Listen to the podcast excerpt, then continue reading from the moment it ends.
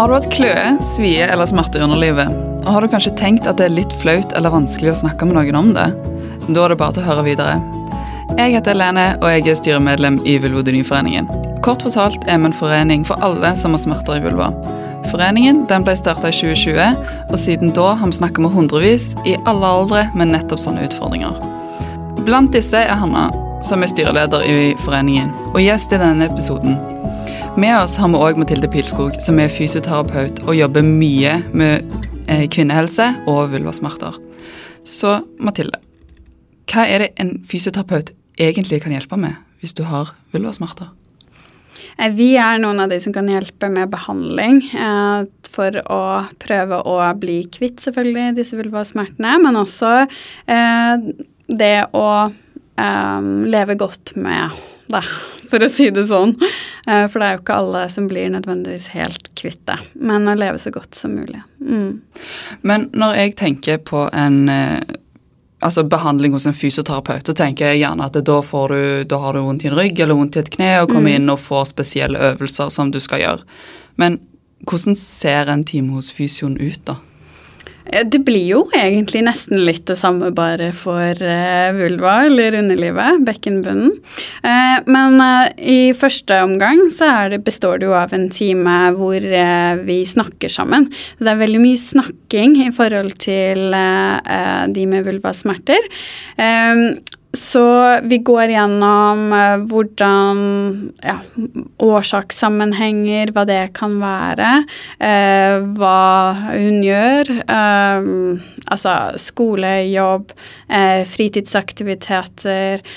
hvordan type smerter hun har, når de oppstår. Ja, hele anamnesen, egentlig.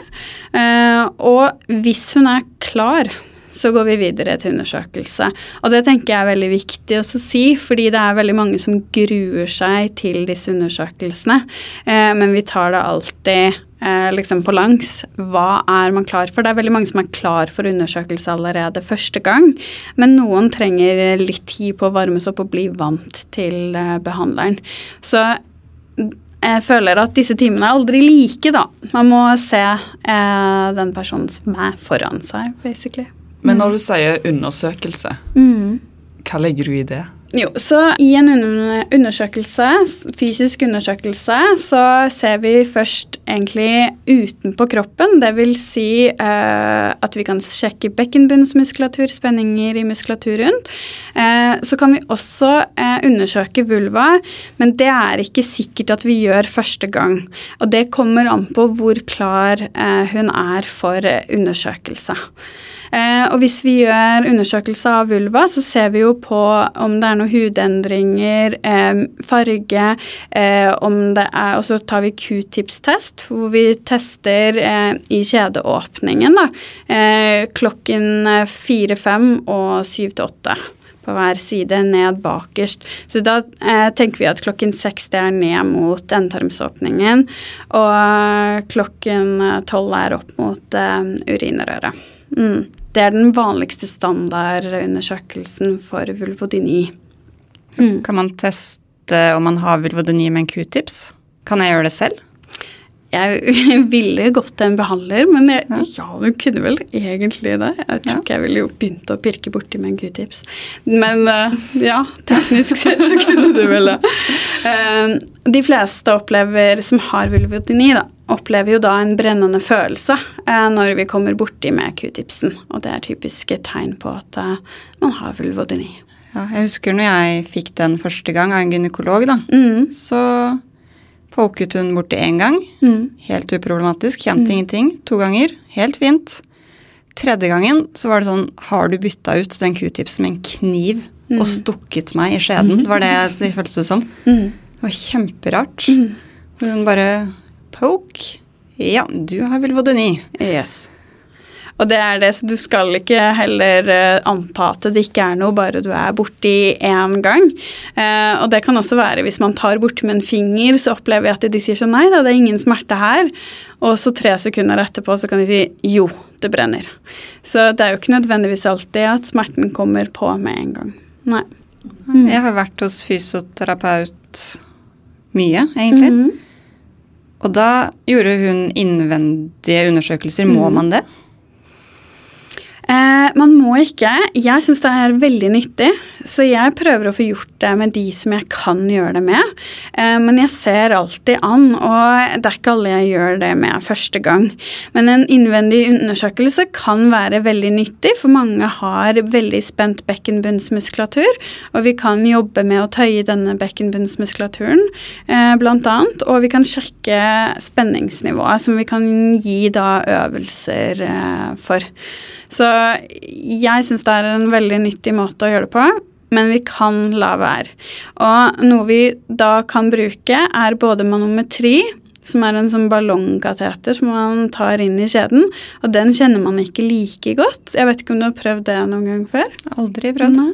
For det også kan man måle i forhold til hviletrykket og spenningsnivået i bekkenbunnen uten at man nødvendigvis tar en finger inn. Og det er noe veldig mange tåler. I, i tillegg så gjør jeg ultralydundersøkelser, så jeg ser på bekkenbunnen fra magen.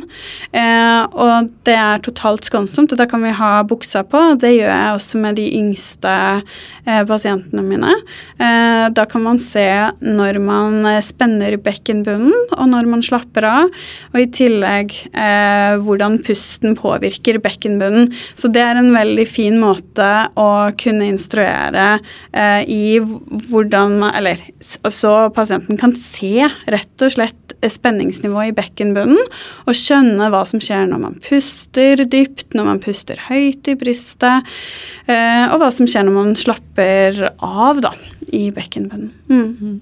Men du snakka om at du gjorde altså, vaginale undersøkelser med en, Ja. altså, en fing inn i skjeden. Mm. Er det noe alle fysioterapeuter kan gjøre? Nei. Da må man være trent til det. Mm. Så, det, det er ikke standardundersøkelsen. nei, så da må de ha videreutdanning og Ja. Være gode på det, da. Mm. Mm. Og så må man være veldig skånsom. Eh, jeg har alltid en regel, uansett hvem jeg eh, undersøker, faktisk, uansett om de har smerter i underlivet eller ikke, så vil jeg alltid snakke med de lenge først, og så vil jeg gå gjennom hele undersøkelsen fra start til slutt.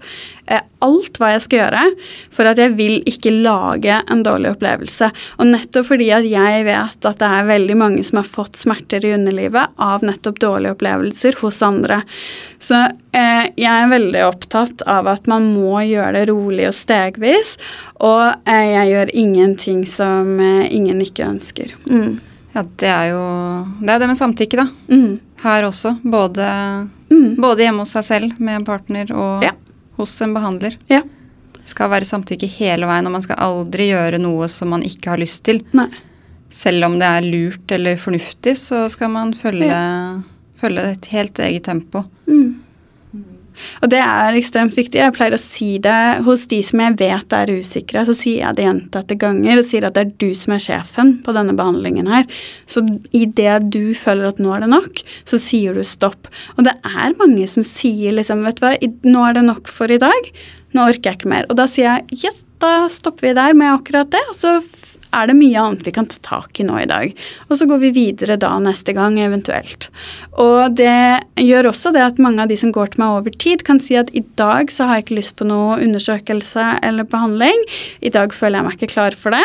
Eh, mens neste gang kanskje i dag føler jeg meg klar for det. Og der tror jeg det handler litt om syklus også, faktisk. Det syns jeg er veldig interessant. Men man er jo eh, litt mer åpen, kanskje, rundt eggløsning. Og så er man tørrere rett før mensen. Og det er liksom Det er noe med når er det man gjør disse tingene også, ikke bare tenke at en undersøkelse er en undersøkelse når som helst, da. Mm. Men for du gjør jo både eh, vaginalundersøkelse mm. og ultralyd og vanlig fysio og alt sånt. Ja. Så da er det forskjell på eh, type fysioterapeuter og forskjell på hva Ja. fysioterapeuten kan bidra med Ja. i behandlingen. Mm. Okay. Så det er jo da de som også har gjort eh, godt kursing i undersøkelse av bekkenbunn i forhold til bekkenbunnsdysfunksjoner, men da mest med tanke på urinlekkasje og fremfall. Og så er det videre i eh, underlivssmerter som en tillegg. Så det, men eh, de fleste som begynner på det, jobber jo med alt etter hvert. Da. Mm. Sånn Men ultralyd er for så vidt ikke vanlig. Nei. Nei. Ok. Um, Og du går jo ikke til fysioen eh, skulle til å si, hver dag. Nei. Så eh, hva må pasienten gjøre sjøl, eller hva bør han gjøre sjøl? Både eh, vil jo få masse øvelser av oss. Det handler jo mye om kontakt med pust eh, og bekkenbunn. Eh, mange spenner veldig mye i bekkenbunn, så da er det avspenningsøvelser og tøyeøvelser for bekkenbunn som vi gjør, som er sånn generelle. Eh, F.eks. rene også avspenningsøvelser i forhold til meditasjon og sånn bruker jeg mye. Pusteøvelser. Uh, og så uh, kan det være desensitiviseringsøvelser. Jeg klarer aldri å si det ordet. uh, og øvelser med partner, f.eks., hvis man har det. så vi jo, kan jo bruke dilatorsett også. vi bruker apparater som vi får fra Kvintet. eller pasienten får fra Kvintet. Så det, vi har mye hjelpemidler der. Mm. Da har jeg to spørsmål. Ja, Hva er en dilator? Dilator. Eh, det er ikke en dildo, selv om det er veldig mange som tror det første gang. Jeg har fått spørsmål også kan man bruke en dildo. Eh, men det er egentlig små sånne silikontupper eller hva man skal kalle det. Nå ble jeg litt sånn usikker på Det ligner jo på en dildo. Nisse, det kan være ærlig. Litt sånn nissehatt uten uh, ja. ja. Litt sånn ja. nissehatt-type mm. form på det. Og de kan man starte med i ganske små eh, størrelser, og så kan de bli eh, større og større og større. Så man starter jo som oftest på den minste størrelsen, og så kan man bygge seg oppover så man eh, øker toleranseevnen, da. Hvor liten er den minste størrelsen? Gud, det husker jeg ikke nå. Men det er mindre enn lillefingeren. Ja. Mm. Jeg tror men det er litt mindre enn lillefingeren i hvert fall. Ja, men da er den ca. en lillefinger, da? Ja, ja, den er liten. Mm, så mindre enn en finger. Du nevnte Quintet. Hva er det for noe? Det er eh, et selskap som leverer behandlingshjelpemidler. Eh, mye rundt bekkenbunnshelse, men også kvinnehelse generelt. De har mye forskjellig. Um, og vi kan da søke om behandlingshjelpemidler uh, fra helseforetakene. Så det er det mulig å få på blå resept, altså at du ikke trenger å betale for det. Um, så det er jo veldig bra tiltak. Ja, jeg husker det. Fysioterapeuten min bestilte det, og sånn en uke etterpå så hadde jeg en boks med dilatorer i postkassa mi. Da gikk det mm. veldig raskt. Jeg kan ikke si at det går så raskt alltid, uh, men uh, det er jo i hvert fall Glidemiddel hadde de putta oppi ja, boksen, ja, ja, og det, det var god service. Og det er jo veldig viktig, for hvordan glidemiddel du bruker, kan ha veldig, veldig mye å si. Det er noen som svir. Uh, så glidemiddel er ikke glidemiddel. Man må finne det glidemiddelet som er mest mulig tilpasset sitt eget underliv. Mm. Er det noen du, glidemiddel du ser funker bedre enn andre for de, for de fleste? Altså vannbasert, silikonbasert? Uh, nei, altså jeg, jeg, pleier å si altså vannbasert eller silikonbasert, mm. definitivt. Ikke noe tull i. Så det er de mest kline du får. Mm. Jeg har en sånn liste over uh, bilder, og akkurat nå klarer jeg ikke å se den helt for meg. Nei. Jeg tenker at det går an at vi legger ved uh, i, um, som bilde i mm. den derre når vi skal markedsføre denne episoden ja. på Instagram, så kan du legge ved at det, er noen bilder av de glidemidlene. Mm, det gjør vi. Jeg lurte på Det er mange som spør også hvordan de bruker en dilator, for jeg tror de har lyst til å bruke det alene, sånn mm. fordi de ikke får time hos fysioterapeut eller bor langt unna. Mm. Kan man bruke det uten å ha fått noe hjelp først? Ja, det kan du jo for så vidt. Eh, og så går det an faktisk, det jeg pleier å gjøre til de som bor langt unna, det er at vi har online-timer. Ikke at jeg skal sitte og se på at noen bruker ventilator, men, men, at det går an å snakke med noen om faktisk det å bruke det, sånn at man får det mest tilpasset seg selv. For selv om vi ikke kan undersøke, så kan vi prate. Og jeg har snakket med mange rundt omkring i landet eh, og søkt på hjelpemidler til de. Så det går an å få hjelp av eh, fysioterapeuter som bor andre steder enn der man selv bor, uansett. Men i forhold til bruk av dilatorer, så er det jo det at eh, man må passe på å bruke nok glidemiddel. Så i starten så er det jo det der med å føre inn som er det første. Eh, puste godt og, og, la liksom vevet få slippe litt. Eh, for noen så er dette nok, og så kan man også bruke det til å tøye litt muskulaturen eventuelt. Mm. Men Er det alle som skal bruke dilator? Er det sånn at alle som har vondt i vulva, skal bruke dilator? Ikke nødvendigvis, nei. Jeg gir det ikke til alle. Så det er litt sånn individuelt, da. Det, det, er så vanskelige svar, er det ikke det? Ja, nei. Det er vel sånn at uh, individuelt tilpasset uh, Det er ikke alle jeg merker har behov for det. det uh, så det er noen med vulvodyni som jeg merker ikke har spenninger, hvor jeg fint kan ta inn en finger, og da tenker jeg at vi er litt forbi det punktet der, da. Men da kan det hende at jeg heller anbefaler en pelvic wand, som også går an å brukes, hvor man kan bruke til å tøye vevet og massere innvendig. Pelvic wand, hva er det for noe? Ja, det er en liten tryllestav. Eh, det er en S-formet uh, uh, verktøy, egentlig. Altså, hva kan du si? En liten stang. Eh, det, nå hørtes det veldig vondt ut. Den er ikke det. Du kan få det enten i silikon, eller så kan du få det i glass. Eh, den som er gla i glass, er ganske smart, fordi at den kan både fryses og varmes, og den kan lindre smerter i underlivet. Eh, den er formet som en S, sånn at du skal få eh, tak liksom på innsiden i bekkenbunnen, så man fører den inn via kjeden, og så kan man liksom sirkle den litt inn bak, fordi at kjeden er ikke rett. Den er, den er som en tunnel i starten, og så åpner den seg og er litt som et sånt hulrom innenfor. Så det er for at man skal nå all muskulaturen i bekkenbunnen. Eh, så den kan man bruke da til egen behandling, og den er det veldig mange som har eh, veldig god nytte av. Mm. Men eh, hvis det er noen som eh, sitter her nå, som har eh, bestilt eller fått henvisning til fysio, og der mm. er det jo ofte veldig lang ventetid yeah. for offentlig fysio, hva kan de gjøre mens de venter på en time? Uh, det første jeg ville egentlig sagt at de skal gjøre, er for det første å se litt på hygienen sin i forhold til ikke om de ikke vasker seg, takk det, men, men liksom, hva er det de bruker av ting? Altså sjekke undertøyet sitt. Eh, faktisk bind og tamponger. Eh, det er ikke alle som bruker tamponger, da, nødvendigvis, men eh, at alt er eh, økologisk, holdt jeg på å si. Clear. Eh, ikke vaske seg med såpe første omgang. Og så eh, tenker jeg også det der med å begynne å puste puste ned i magen. For at vi går og puster her oppe. Pusten, magen og bekkenbunnen henger sammen. Det er det som er på en måte kjernen vår. Og hvis vi ikke puster ned i magen, så beveger heller ikke bekkenbunnen på seg. Og bekkenbunnen er litt som en sånn trampolinen skal bevege seg hele dagen i takt med at du beveger på deg. Muskulatur er sånn at den liker godt bevegelse, da stivner den ikke. Så bare det å begynne å puste helt ned i magen kan gjøre veldig mye for eh, bekkenbunnen og underlivet. Eh, og så er det jo enkelte øvelser, f.eks. Eh, hvileøvelser for bekkenbunnen. Både det å liksom legge seg med bena opp etter veggen, barnets posisjon, hvis man kjenner til det. Dette er det bare å google, tipper jeg, hvis man ikke eh, vet hvordan det ser ut.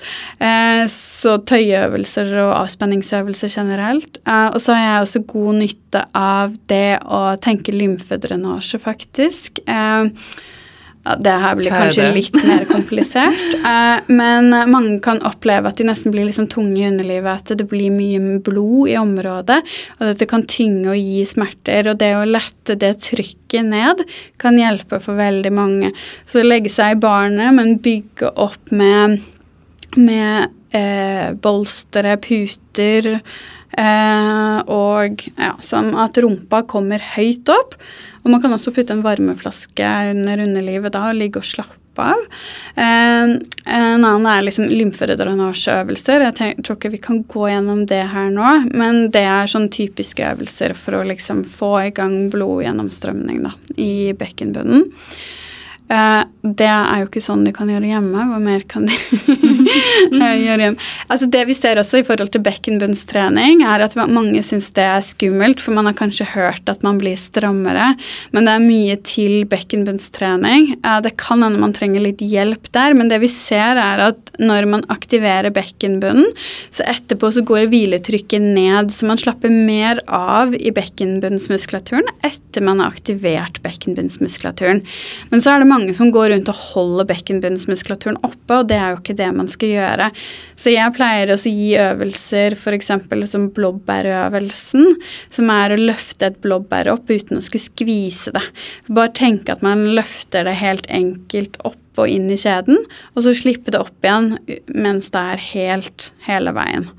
Eh, fordi at det handler mer om kontakt. ikke sant? Du kan løfte opp en melkekartong, tom melkekartong, si det, eller du kan løfte opp en kettlebell, og du bruker forskjellig styrke i forhold til hva det er du løfter. Og det er det samme med bekkenbunnsøvelser. Bekkenbunnsøvelser er ikke bekkenbunnsøvelser nødvendigvis. altså Det er mange forskjellige av de. Eh, så man har kanskje hørt at man skal knipe veldig, og så sitter man og skviser masse. Men man skal heller gjøre det lett, sørge for at man får god kontakt og kontroll i starten. Da. Så blåbærøvelsen også er en sånn øvelse som man kan sette i gang med.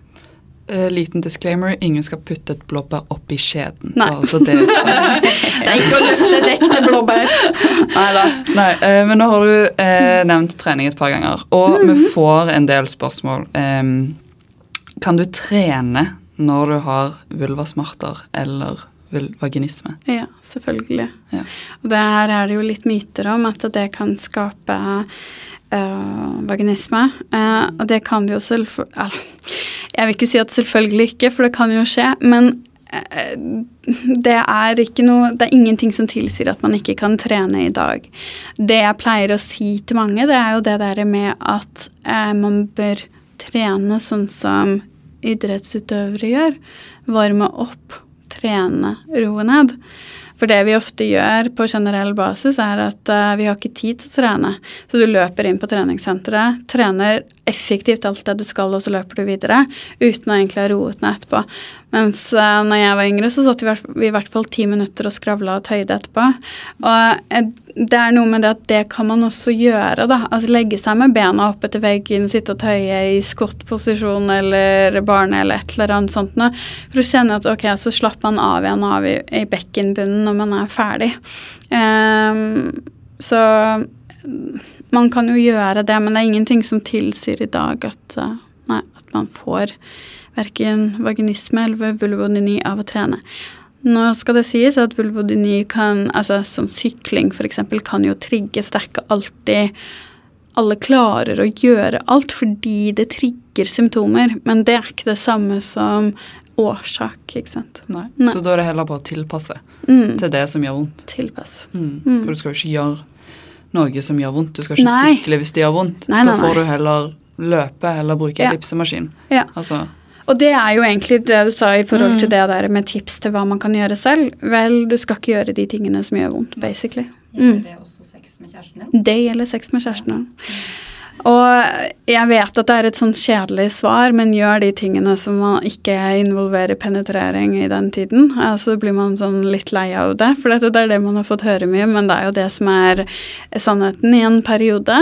Uh, og så kan man bruke altså gjøre mye øvelser sammen eh, med partnere senere. Og det jeg har god suksess med der, er jo å gjøre det nettopp sånn i eggløsningsperioder og sånn, at man velger hvilke tider av måneden man faktisk gjør øvelser med partner og sånn. Og det er mange som opplever det, at eh, det er bedre når partner gjør det, enn når de selv gjør øvelser. Mm. Kan partner være med til fysioen? Ja. Ja, så bra hvis man har lyst til det. Det er mange som har god erfaring med det. Sier at de, for da får partner også en bedre forståelse av hva, hva, hva, som egentlig skjer. Mm. Kan støtte litt mer. Ja. Mm. Det er mange som tror de sniker seg unna sånn nesten. Eh, det er jo ikke helt heldig. Nei. Så det er jo det der med å få en forståelse at dette her er eh, reelt. Altså hvis man, altså man burde jo tro på det uansett, men skjønner. Det er kanskje litt enklere når det er helsepersonell som sier det. Ja. Mm. Og så kan de stille litt sånn spørsmål og hva de lurer på som du gjerne ikke ja. tør å spørre partner om. Ja. Men ehm, sånn eh, helt til slutt, har du mm. noe som du vil si til de som sitter med smerter i vulva eller smerter under livet nå? Altså Hvis man tenker på det derre um, Når vi nettopp snakket om partner Jeg syns det, det, er veldig viktig at partner blir involvert og sånn. Men jeg syns ikke Det har vært liksom fokus nå både Det er noen kjendiser som har gått fram og sagt at de har vulvodyni, og da har det kommet veldig mange kommentarer om at de syns synd på partner som ikke får sex. Og jeg tenker bare Jeg vil bare si at det er heller synd på Eller kvinnene som ikke får sex. Altså, synd på alle, men, men altså, det er faktisk kvinnene som, som, sliter her og har vondt og smerter, eh, og det skal tas seriøst. og eh, håpet mitt er at alle får uh, får et sexliv som er bra. Og så vil jeg også si det at kom tidlig. fordi det jeg opplever, er at de som kommer med en gang, får jeg bra veldig kjapt. Mens de som kommer etter ti år eller fem år eller lengre tid, de er det vanskeligere å få bra. Sånn at eh, hvis man kjenner at man har smerter ved samleie, så stopp, og så gå og få hjelp heller enn å altså man Selvfølgelig man kan prøve en gang til for å se om det bare er et engangstilfelle. Det er ikke sånn at man bare må stoppe opp alt med en gang. Men liksom få hjelp med en gang, for dette det tror jeg kan hjelpe ganske mange til å ikke få så vondt senere. Mm. Mm. Men eh, hvis man har eh, si, lyst på hjelp av deg og sliter mm. med disse her, hvor kan vi finne deg? Jeg jobber på Asker kvinnehelse, og det er kort eh, vei utenfor Oslo, så det er ikke langt unna. Eh, jeg har jo også pasienter fra hele landet, så det er mulig å komme eh, eller ha online konsultasjon. Og så finner du meg også på Instagram som kvinnehelse-fysio, hvor jeg legger ut litt sånn tips og triks og øvelser og sånn innimellom. Hmm. Ja.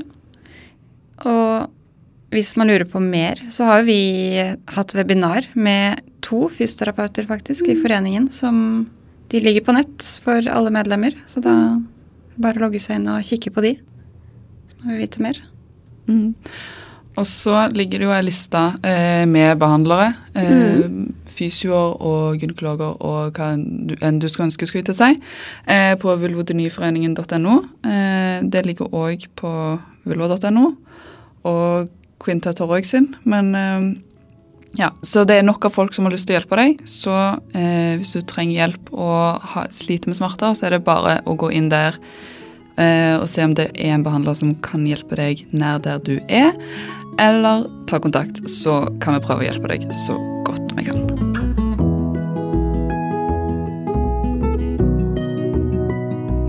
Du har hørt en episode av Vulvarådet. Det er en podkast fra Vulvodyniforeningen. Du kan lese mer om oss på vulvodyniforeningen.no. Og du er velkommen til å melde deg inn i foreningen for å støtte vårt arbeid. Programleder det var meg, Helene Gjelsa, og podkasten er produsert av Oppland og finansiert av Helsedirektoratet.